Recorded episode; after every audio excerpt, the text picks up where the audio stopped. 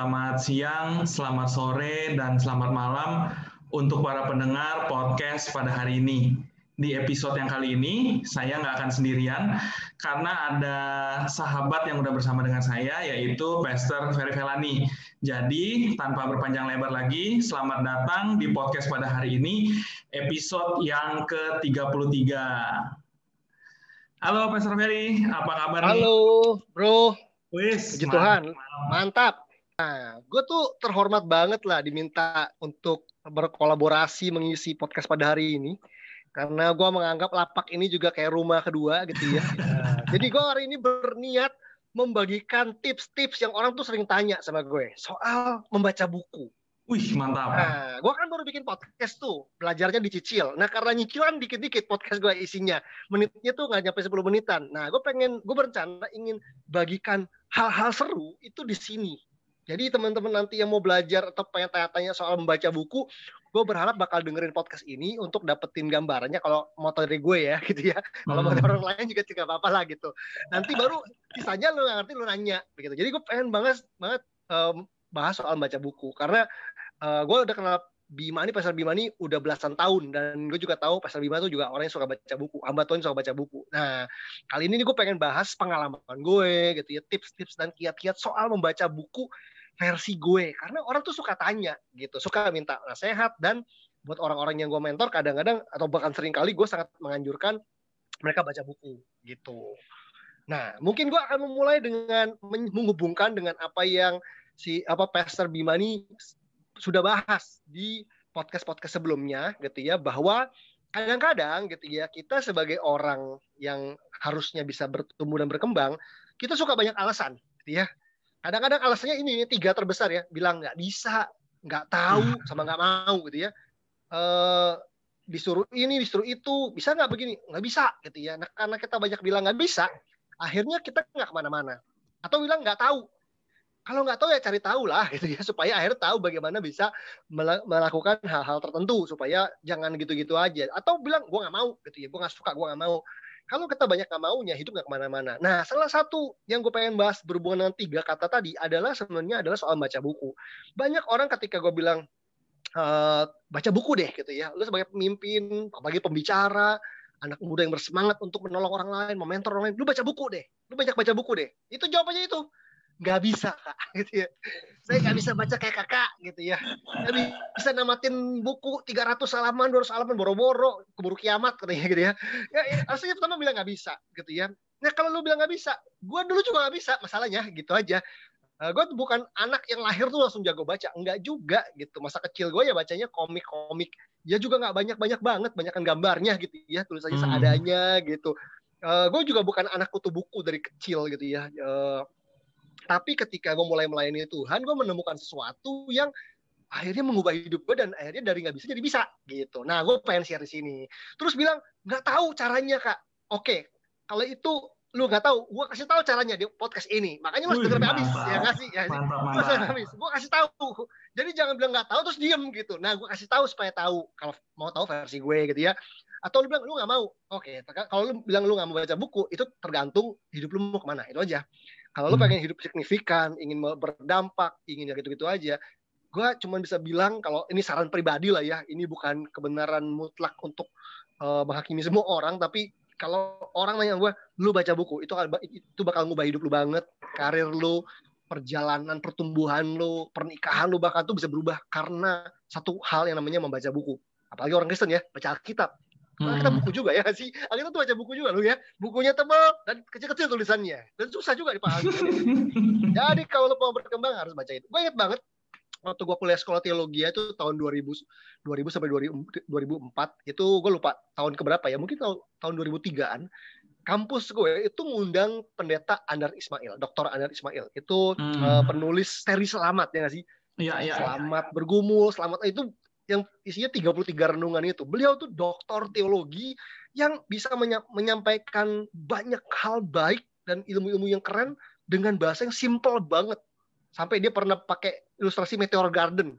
pada zaman itu pas hits hitsnya hmm. gitu ya itu sampai itu dan dia cerita dia cerita dia bilang bahwa orang Yahudi itu orang juga orang Kristen Yahudi itu adalah dikenal sebagai umat berkitab katanya gitu ya umat berkitab nah dia itu sempat membuka satu ayat Alkitab yang gue mungkin akan kutip lah di sini ya teman-teman nanti bisa dengar atau bisa buka di rumah juga gitu ya yaitu di 2 2 Timotius 4 ayat 13 ayat ini jarang banget dibahas lah 2 Timotius 4 ayat 13. Ini ceritanya Rasul Paulus tuh udah mau ending-endingnya surat ini itu berpesan-pesan lah begitu ya.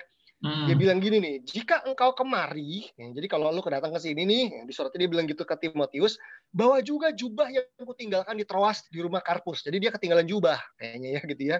Hmm. Dan juga kitab-kitabku, terutama perkamen itu. Jadi ternyata waktu Paulus traveling, perjalanan misi, perintis gereja, uh, pelajaran apostolik, dia tuh bawa jubah dan bawa kitab.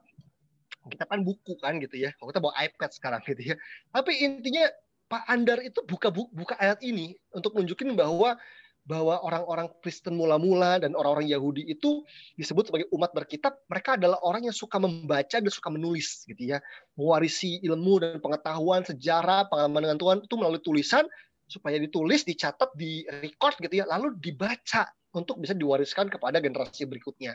Nah, uh, itu salah satu yang membekas di hidup gue gitu ya, dan di situ gue kayak berjanji bahwa gue ingin seperti mereka, gue ingin jadi umat berkitab gitu ya, ya umat berkitab yang gue ingin ke mana pun gue pergi ya gue baca buku, belajar karena gue juga penggemar John Maxwell kan dari tahun 2000-an gitu ya. Hmm. Maxwell itu seorang pakar leadership, teman-teman yang eh, bukunya tuh banyak banget. Uh, kalau tidak salah dia pernah komit tiap 9 bulan dia harus tulis buku baru. Kalau nggak salah, gue nggak tahu dia masih menemati komitmen itu atau tidak. Tapi dia adalah orang yang di challenge oleh papanya, oleh ayahnya, Malvin Maxwell, dibilang e, ketika lu punya SIM gitu ya, lu boleh bawa mobil, gue minta di, di apa di mobil lu selalu ada buku. Dan ketika lu lagi nunggu kereta lewat, lu lagi nunggu orang lagi uh, janjian, meeting gitu ya, momen di mana lu nunggu, lu baca gitu Nah, dengan lu membaca dicicil dalam waktu 5 menit, 10 menit aja dengan lu baca buku, lu bisa menjadi orang yang lebih pandai dalam waktu 10 menit berikutnya gitu ya, dengan apa yang lu baca gitu, lebih tahu lebih banyak. Makanya gue bikin podcast belajar dicicil karena itu mah di, dialami oleh ini dan gue hidupin bertahun-tahun. Gue inget tuh zaman gue pacaran gitu ya sama Fania gitu ya. Gue uh, nungguin dia pulang kantor di lobby gitu ya. Gue bawa buku, bukunya John Maxwell. Gue baca, gue cicil juga tuh. Dapat dia kan banyak subbab-subbabnya ya apa penggalan-penggalannya. Gue baca, gue baca, gue pernah nungguin dia sampai tiga jam karena ternyata dia belum boleh pulang dan harus lembur. Gue bilang it's okay, lu jangan pulang dulu, lu lembur aja, gue bakal tunggu. Dan gue nunggu tuh sambil baca buku. Jadi waktu menunggu gue tiga jam itu nggak sia-sia. Ya orang bosan, bosan nggak bosan. Tapi dalam tiga jam berikutnya, at least gue percaya gue jadi pribadi yang lebih tahu gitu ya, tahu lebih yes. lebih lah dalam waktu tiga jam karena menggunakan tadi mencicil buku yang gue baca gitu. Jadi akhirnya gue biasain ke mana pun gue pergi gue bawa buku gitu ya dengan cara tadi membaca dicicil di airport, di kereta api, ke mana pun pelayanan di luar negeri apa keluar kota keluar negeri itu di hotel gue tuh selalu bawa buku dan baca di mana pun apalagi di rumah gitu ya dibaca buku dan gue merasa salah satu yang uh, penting dalam kehidupan financial gue adalah budget beli buku. Ya, budget beli buku itu dari dulu ada gitu ya dan itu eh, apa ya? Gue merasa itu bagian dari investasi pribadi yang hmm. dengan harapan ya, gue bisa menjadi pribadi yang lebih baik gua sama Pastor Bima ini kan gue kan kami pernah di satu gereja besar dulu ya nah namanya JPCC kita sebut merek apa ya boleh eh, boleh boleh, uh, gue nggak tahu Pastor Bima pasti inget ya kita pernah dengar Pastor Jeffrey Rahmat dulu pernah cerita ya, kalau kalau inget ya di khotbahnya waktu itu bahwa Kayaknya di satu kali belum Oh, deh ini ceritanya yang mana? gitu ya. Belum ya. Jadi dia bilang satu kali dia tahun-tahun itu tuh tahun-tahun awal 2000-an kalau nggak salah ya dia hmm. pergi ke Hillsong Conference gitu ya Hillsong Conference yang diadakan setiap bulan Juli di di Hillsong gitu ya. Dan setelah setelah uh, apa momen-momen istirahat, momen-momen break session gitu, uh, orang pada keluaran kan di area situ kan gitu dan banyak orang jualan buku terus apa uh, CD khotbah, zaman dulu masih CD kali ya, DVD dan sebagainya gitu. Tapi, tapi banyak orang terutama orang Indonesia kayaknya lihat-lihat aja. Kenapa? Karena mahal ya nggak sih? Dia bilang hmm. mahal lah mau beli begitu tuh harganya berapa kalau dikursin? gitu. Tapi gue inget dia bilang begini sama istrinya katanya. Dia bilang boleh nggak gue invest gue ambil habisin uang seribu dolar untuk beli materi-materi itu? Jadi ada buku ada DVD khotbah, CD khotbah, satu koper gitu katanya. Terus dengan dengan sebuah komitmen gitu ya, bahwa setelah ini lu akan mendapatkan suami yang lebih baik. Cerita ini hmm. membekas di hidup gue loh gitu ya. Yes. Iya. Uh, dan gue akhirnya berpikir begitu gitu dan akhirnya gue akhirnya punya kesempatan ya tahun 2008 pertama kali gue keluar negeri gue ke Sydney Australia walaupun hari itu nggak ke Hillsong sih diundang pelayanan tempat lain tapi di situ gue menemukan tempat uh, satu toko buku yang namanya Kurong toko buku di, di, di Sydney Australia hmm. dan di situ gue pertama kali menghabiskan uang yang gue terima dari pelayanan zaman itu di Sydney gitu ya pakai dolar itu gue menghabiskan eh, kurang lebih kalau di rupiah itu lebih dari 3 juta rupiah. Uh. wah itu itu itu zaman gue juga. Kita zaman kita susah uang ya Bim ya. Zaman dulu kita jangan duit kan. Aduh pas dapat berkat banyak gue beli tuh borong segitunya gitu ya. Kalau zaman dulu kayaknya biaya cukai belum ketat kali. Jadi gue bawa tuh ber, satu apa koper gue tuh penuh buku itu. Pokoknya habis tiga jutaan deh buku-buku. Ya gue cari yang diskon diskon juga zaman itu kan. Hmm. tapi itu gue ingat itu bahwa gue berharap menjadi pribadi yang lebih baik dengan gue belajar dan membaca. Nah teman-teman ternyata uh, membaca buku itu banyak benefitnya. Kenapa gue selalu menyarankan ini ke banyak orang? Walaupun orang selalu bilang nggak bisa lah apa. Oke, bisa nggak kita kalahkan dulu penjara mental itu? Bilang nggak bisa, nggak tahu dan nggak mau. Dan lu coba jalanin ini setahun pertama, dua tahun pertama, lu bakal lihat perbedaannya besar banget. Gue nih punya peran kan beberapa gitu ya. Sebagai pembicara, iya, ya. Gembala, iya.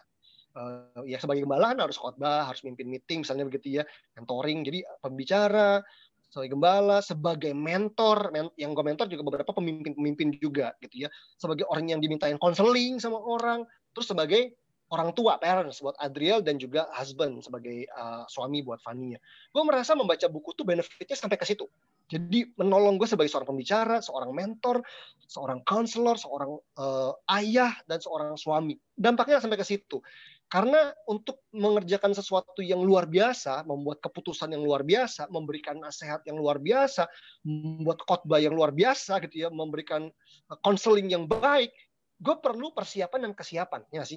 Pasti kayaknya hmm. sebelumnya pernah mention itulah. Nah, masalah gini, kan gue kalau gue diundang khotbah, gue bisa persiapan nih. Fair lu khotbah dong besok, gue persiapan malam ini gitu ya. Tapi hmm. yang namanya kesiapan tuh begini, kan orang kadang-kadang ketemu sama lu ngobrol terus atau gue punya masalah pada saat itu gue gak, gue gak punya waktu untuk persiapan. Ya si orang langsung ditembak gue dalam masalahnya. Di situlah kesiapan itu penting dibanding persiapan. Karena gue gak siap. Nah dengan gue biasa membaca buku jadinya wawasan bertambah dong. Ya lebih luas pengetahuan lebih banyak. Dengan begitu uh, paling tidak gue tidak akan memberikan nasihat-nasihat yang uh, apa ya yang asal gitu loh. Yang, yang yang sembarangan. Paling enggak paling gue akan berusaha untuk memberikan sebuah nasihat yang sebaik mungkin sejauh uh, gue pernah mengetahui atau pernah membaca topik tersebut.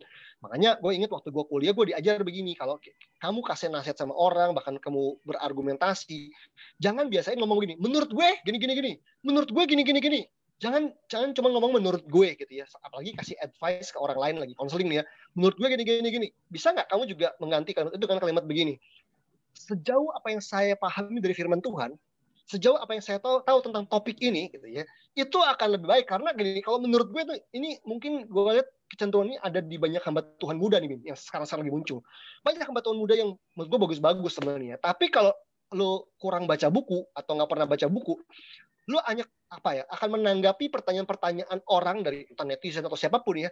Cuman dengan tadi menurut gue gini gini gini Gimana pendapat lu tentang rokok? Gimana pendapat lu tentang eutanasia? Bagaimana pendapat lu tentang aborsi, masturbasi? Oh, menurut gue gini gini gini. Pas gue baca tulisan eh, apa jawabannya, ya gitu banget gitu. Maksudnya hmm. itu padahal bisa jauh lebih dalam lu gitu. Cuman ya tadi orang hanya berhenti pada menurut pendapat gue. Tapi gue itu belajar waktu gue kuliah ah, menurut apa yang saya pahami dari uh, firman Tuhan, menurut apa yang saya pahami tentang topik tersebut, dengan begitu gue punya rasa tanggung jawab untuk terus berkembang memahami topik tersebut melalui baca nah. buku, melalui belajar dan sebagainya gitu ya. Nah, e, membaca buku itu menurut gue tuh bagian dari yang namanya sense of responsibility, rasa tanggung jawab terhadap profesi lu, terhadap panggilan lu, terhadap peran lu deh gitu ya. E, mungkin nggak semua teman-teman yang dengar posisi pendeta atau hamba Tuhan, tapi lu gue percaya lu bakal bisa dikirim jiwa-jiwa sama Tuhan untuk lu konseling, untuk lu layani, untuk lu doakan, untuk dengar nasihat lu, dan lu juga berperan jadi orang tua jadi pasangan buat orang lain jadi mentor apalagi kalau lu pembicara gue cuma ngerasa uh, uh, walaupun nggak membaca itu nggak membaca buku itu nggak dosa gitu ya. Tapi gue sangat menyarankan kalau lo ingin hidup lo lebih tajam dan bermanfaat, please baca buku. Baca buku. Bangun budaya itu dalam hidup lo walaupun itu nggak mudah. Tapi ya itu start start awalnya mungkin karena belum terbiasa mungkin kerasa berat. Tapi kalau itu udah jadi habit gitu ya, sama kayak orang naik mobil nyetir mobil.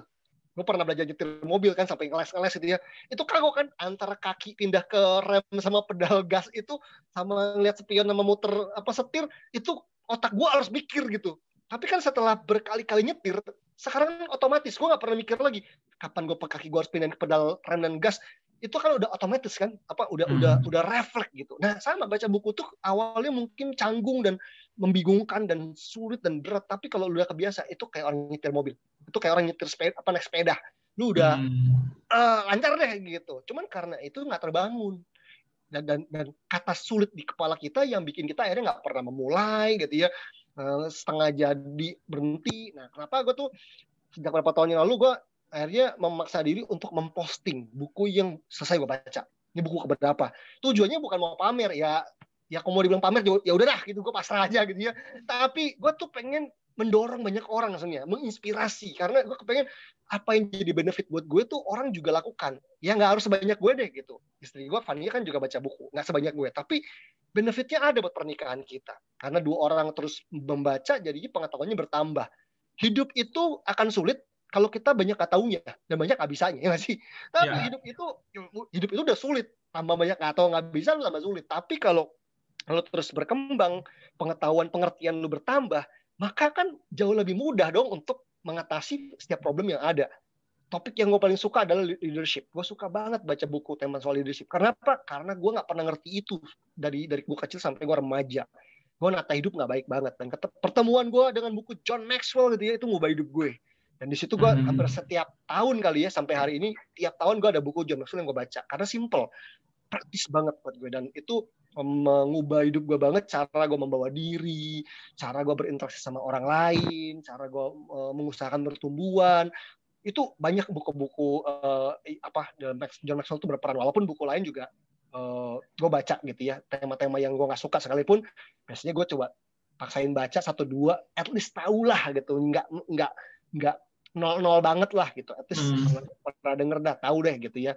Dan itu nolong banget. Nah ini buat teman-teman yang ngerasa bahwa gue harus gimana ya, ya uh, kenapa gue perlu baca buku ya nah gue kasih beberapa tips nih makanya gue bilang lu harus dengerin podcastnya sampai habis karena gue gue nggak bahas ini podcast gue karena podcast gue tuh gue udah komit 10 menit ke bawah durasinya di bawah 10 menit pendek dan simpel. Jadi gue nebeng lah pakai Pastor Bima dah hari ini pokoknya. Siap, Jadi siap, siap. Uh, episode 33 gitu ya. Podcast pada hari ini membahas tentang baca buku gitu ya. Uh, uh, gue punya paling enggak lima tips lah ya gitu ya. Uh, ada orang-orang yang mempengaruhi gue, Pastor Jeffrey Rahmat dari JPCC, my mentor Kak Jo, Jonathan Patiasina itu juga seorang pembaca buku yang luar biasa. Dulu gue punya dosen namanya Pak Erastus Sabdono tuh dosen homiletics gue tuh. Gue belajar hmm. ilmu berkhotbah dari beliau, etika Kristen dan homiletics pada waktu gue zaman gue kuliah. Pak Eras tuh selalu bilang gini, kalau lu pengkhotbah, lu harus rajin baca buku. Kalau lu nggak rajin baca buku, ketahuan dari kosakata lo, dia bilang gitu. Miskin, apa pemilihan kata dan kalimat, dia bilang gitu. Hmm. Dan sebagai pembicara, lu harus punya banyak peluru, dia bilang. Jadi kalau lu baca buku, lu siap pelor tuh banyak peluru tuh banyak gitu ya. Karena ntar lu dituntut kan, apalagi gini, kalau lu nggak pernah baca buku, kemungkinan topik yang lu kuasai dikit tapi kalau banyak baca buku, makin banyak, makin banyak, makin banyak, kemungkinan topiknya bisa makin luas, pembahasannya uh, makin luas lah, makin dalam dan makin luas dengan yeah. apalagi kalau penulisnya bagus-bagus ya, gitu bukunya juga bagus-bagus. Nah, ini ada beberapa tips yang gue berikan. Ada lima tips dan jangan lupa untuk dicatat dan dilakukan. Yang pertama, kalau lu ngerasa, aduh gue nggak bisa baca buku, kak gue nggak tahu caranya gimana. Yang pertama adalah kalau pengen suka baca buku, bisa baca buku dan lu tahu gimana cara baca buku gitu ya, membangun habit itu pertama adalah lu harus punya tujuan yang kuat. Itu aja. Itu yang pertama. Tujuan hmm. yang kuat. Kenapa lu harus baca buku? Kalau lu nggak punya reason yang kuat gitu ya, kemungkinan lu nggak semangat. Cuman ikut-ikutan gitu ya, cuman nggak enak. Ya udah lu baca seadanya. Uh, begitu sulit berhenti gitu ya. Nah, apa yang bikin gue baca buku tuh begini ketika gue lulus eh ya pertama kan gue terinspirasi dong dengan orang-orang yang gue kagumi. Gila mereka tuh bisa dipakai Tuhan karena membaca. Gue juga mau dong dipakai Tuhan kayak mereka. Hmm. ketika mereka ngadepin masalah mereka kasih nasihat mereka ngajar banyak orang diubahkan karena pesan-pesan mereka bukan kebanyakan gaya bukan cuma karena tampang tapi ilmunya memang ada. Itu pertama tujuan gue tuh itu karena gue pengen dipakai Tuhan seperti mereka. Begitu gue lulus sekolah teologi ya tahun 2004 gitu ya dan mulai melayani generasi MTV zaman dulu belum generasi ala ya nah itu generasi MTV itu 2004 gue ketemu case-case yang sulit di pengembalaan. Kita waktu itu belum city ya Bim ya. Belum. Gue ada di satu gereja yang uh, awal-awal itu dan gue ketemu case-case yang sulit yang nggak ada di buku kuliah gue. Itu gue sampai nangis malam-malam gue doa dan gue cuma bilang gini gawat. Gue lulus STH sarjana teologi ya belajar empat tahun uh, di sekolah teologi. Ada banyak yang gue nggak ngerti juga gitu untuk nolong orang gitu ya itu titik kayak apa ya titik balik juga gitu yang gue bilang bahwa gue harus baca buku lebih lagi hari ini karena apa? Karena gue nggak mau malpraktek. Gue nggak mau kasih nasihat asal-asalan. Kok kayaknya nasihat gue sebagai seorang pemimpin, gembala muda gitu ya, itu bisa menentukan apa ya e, nasibnya orang gitu, masa depannya orang, entah baik atau tidak, entah binasa atau enggak gitu. Ya.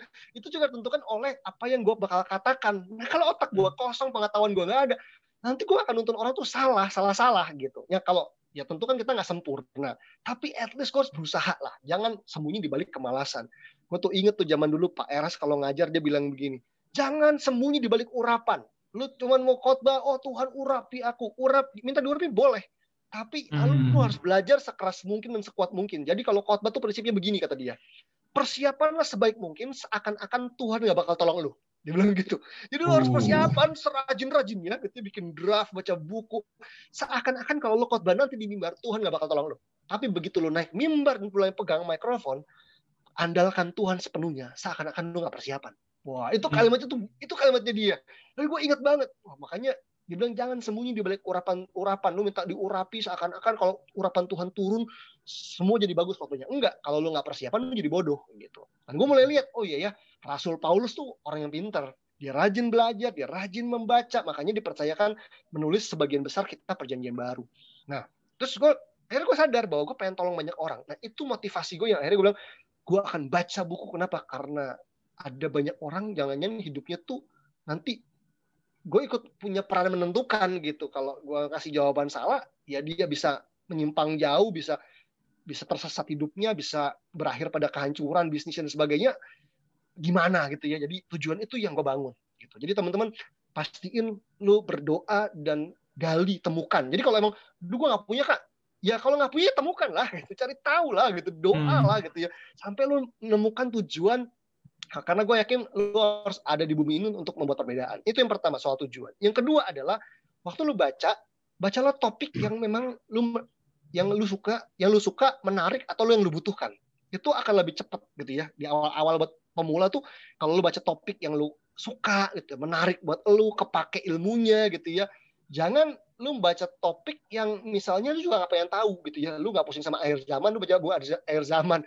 Ya nanti nggak semangat lu cari dulu topik yang kayaknya gue pengen tahu tentang ini nah dari situ dulu gitu kalau gue kan udah milih topik udah udah random kan apa pun gue pilih tapi awalnya gitu gue selalu uh, tetap punya topik favorit gitu ya tema favorit hal apa yang lu pengen pelajari, hal apa yang lu pengen tahu lebih gitu ya.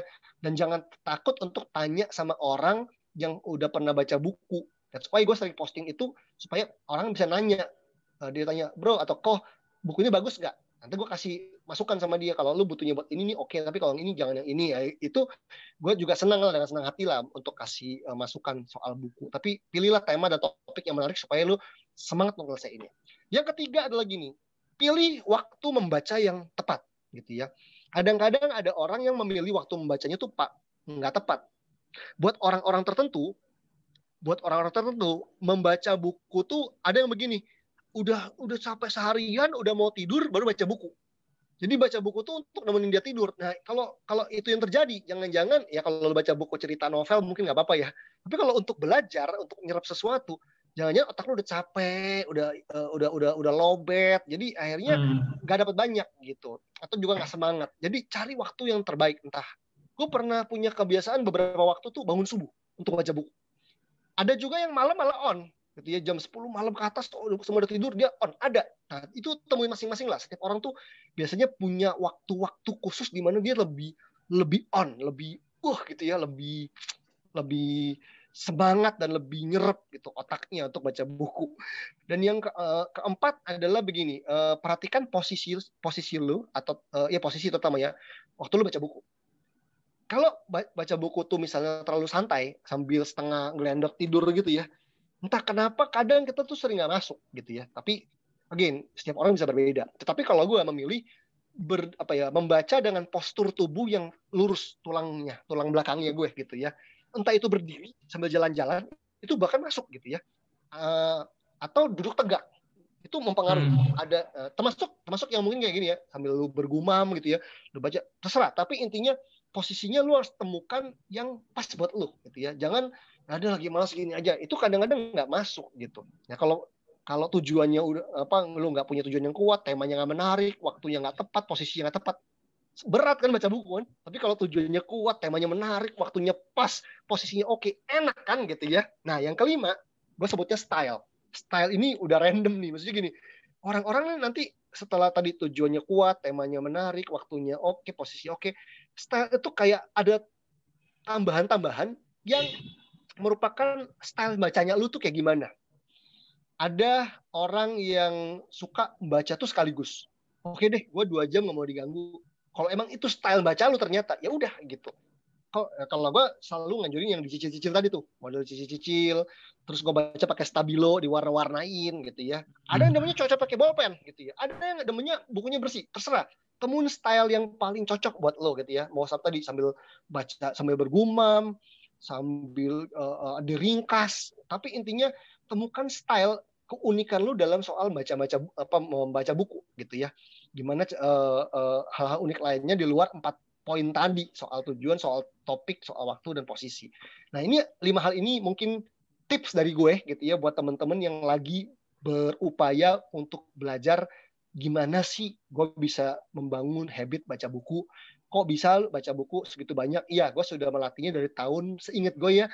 Gue mulai ngitung itu tahun 2003, 2004. Itu gue mulai ngitung per tahun tuh berapa. Bahkan uh, bikin target gitu ya.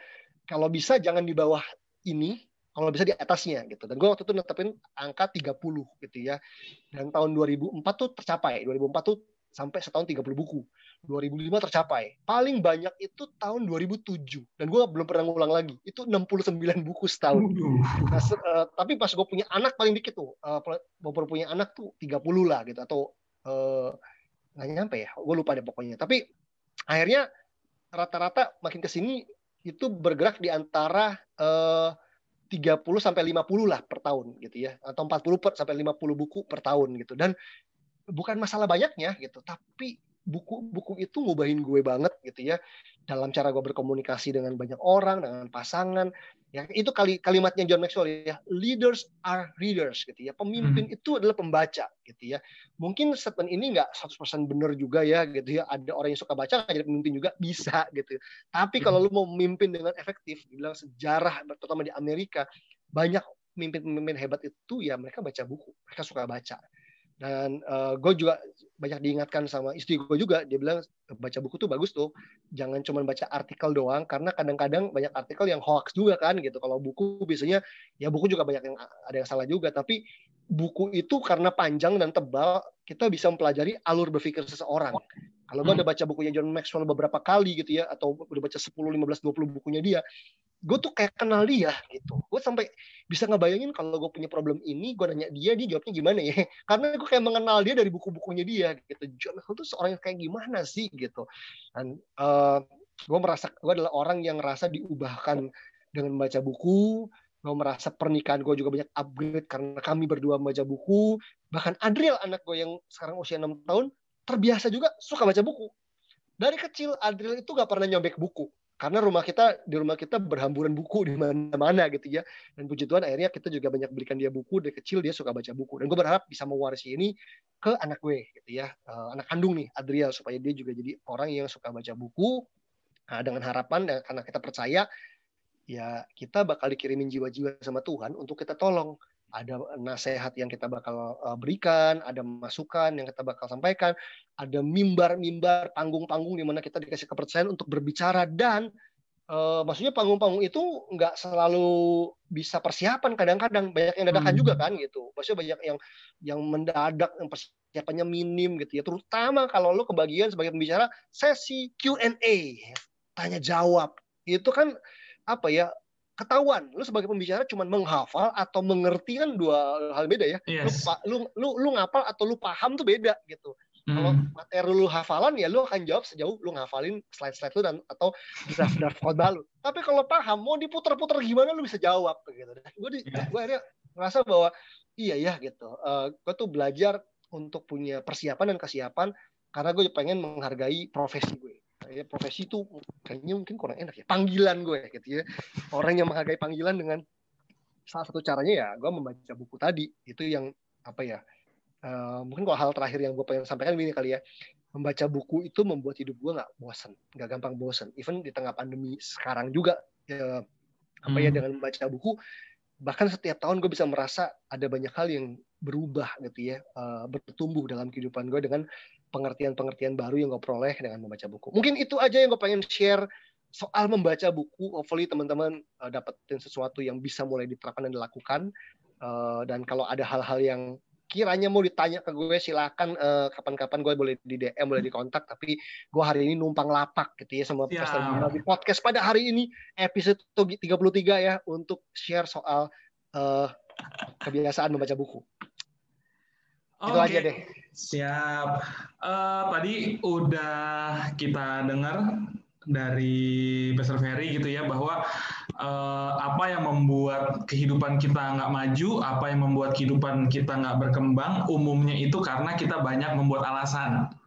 Yes. Yang membuat kita nggak maju itu bisa jadi bukan kita dihambat oleh orang lain, kita terbatas oleh keadaan, kita terbatas oleh situasi yang ada, tapi bisa jadi kita nggak bertumbuh atau kita nggak berkembang karena kita banyak buat alasan untuk diri kita gitu ya. Tadi yes. juga udah disebutin bahwa alasan-alasannya e, bisa jadi itu tentang nggak tahu, ketidaktahuan, ketidakbisaan, dan ketidakmauan. Nah, tadi juga udah udah dibahas kan gimana tentang ketidaktahuan. Ketidaktahuan itu berbahaya gitu. Orang yang nggak tahu gampang dikibulin.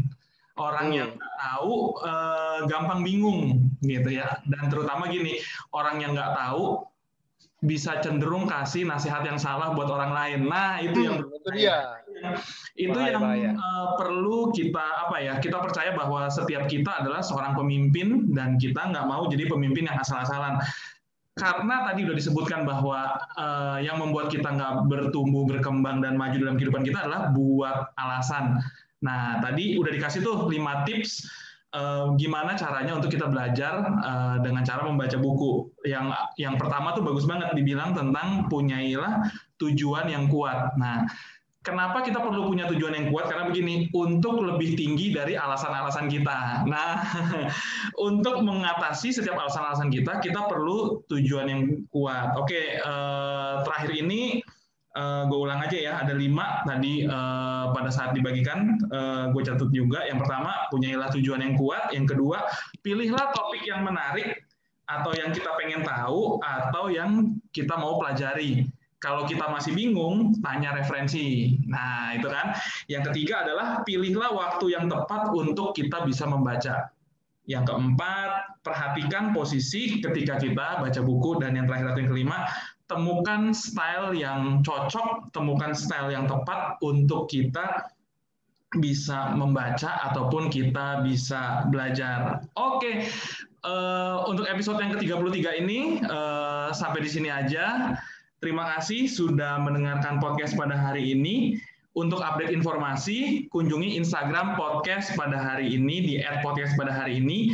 Dan apabila ada pertanyaan ataupun respon dari setiap episodenya, kirimkan ke email podcast pada hari ini. Selain itu, jangan lupa kunjungi juga uh, podcast belajarnya dicicil dari Mr. Ferry di Spotify. Sampai jumpa di episode berikutnya. Tuhan Yesus memberkati. God bless you all. Thank you, brother. Thank you.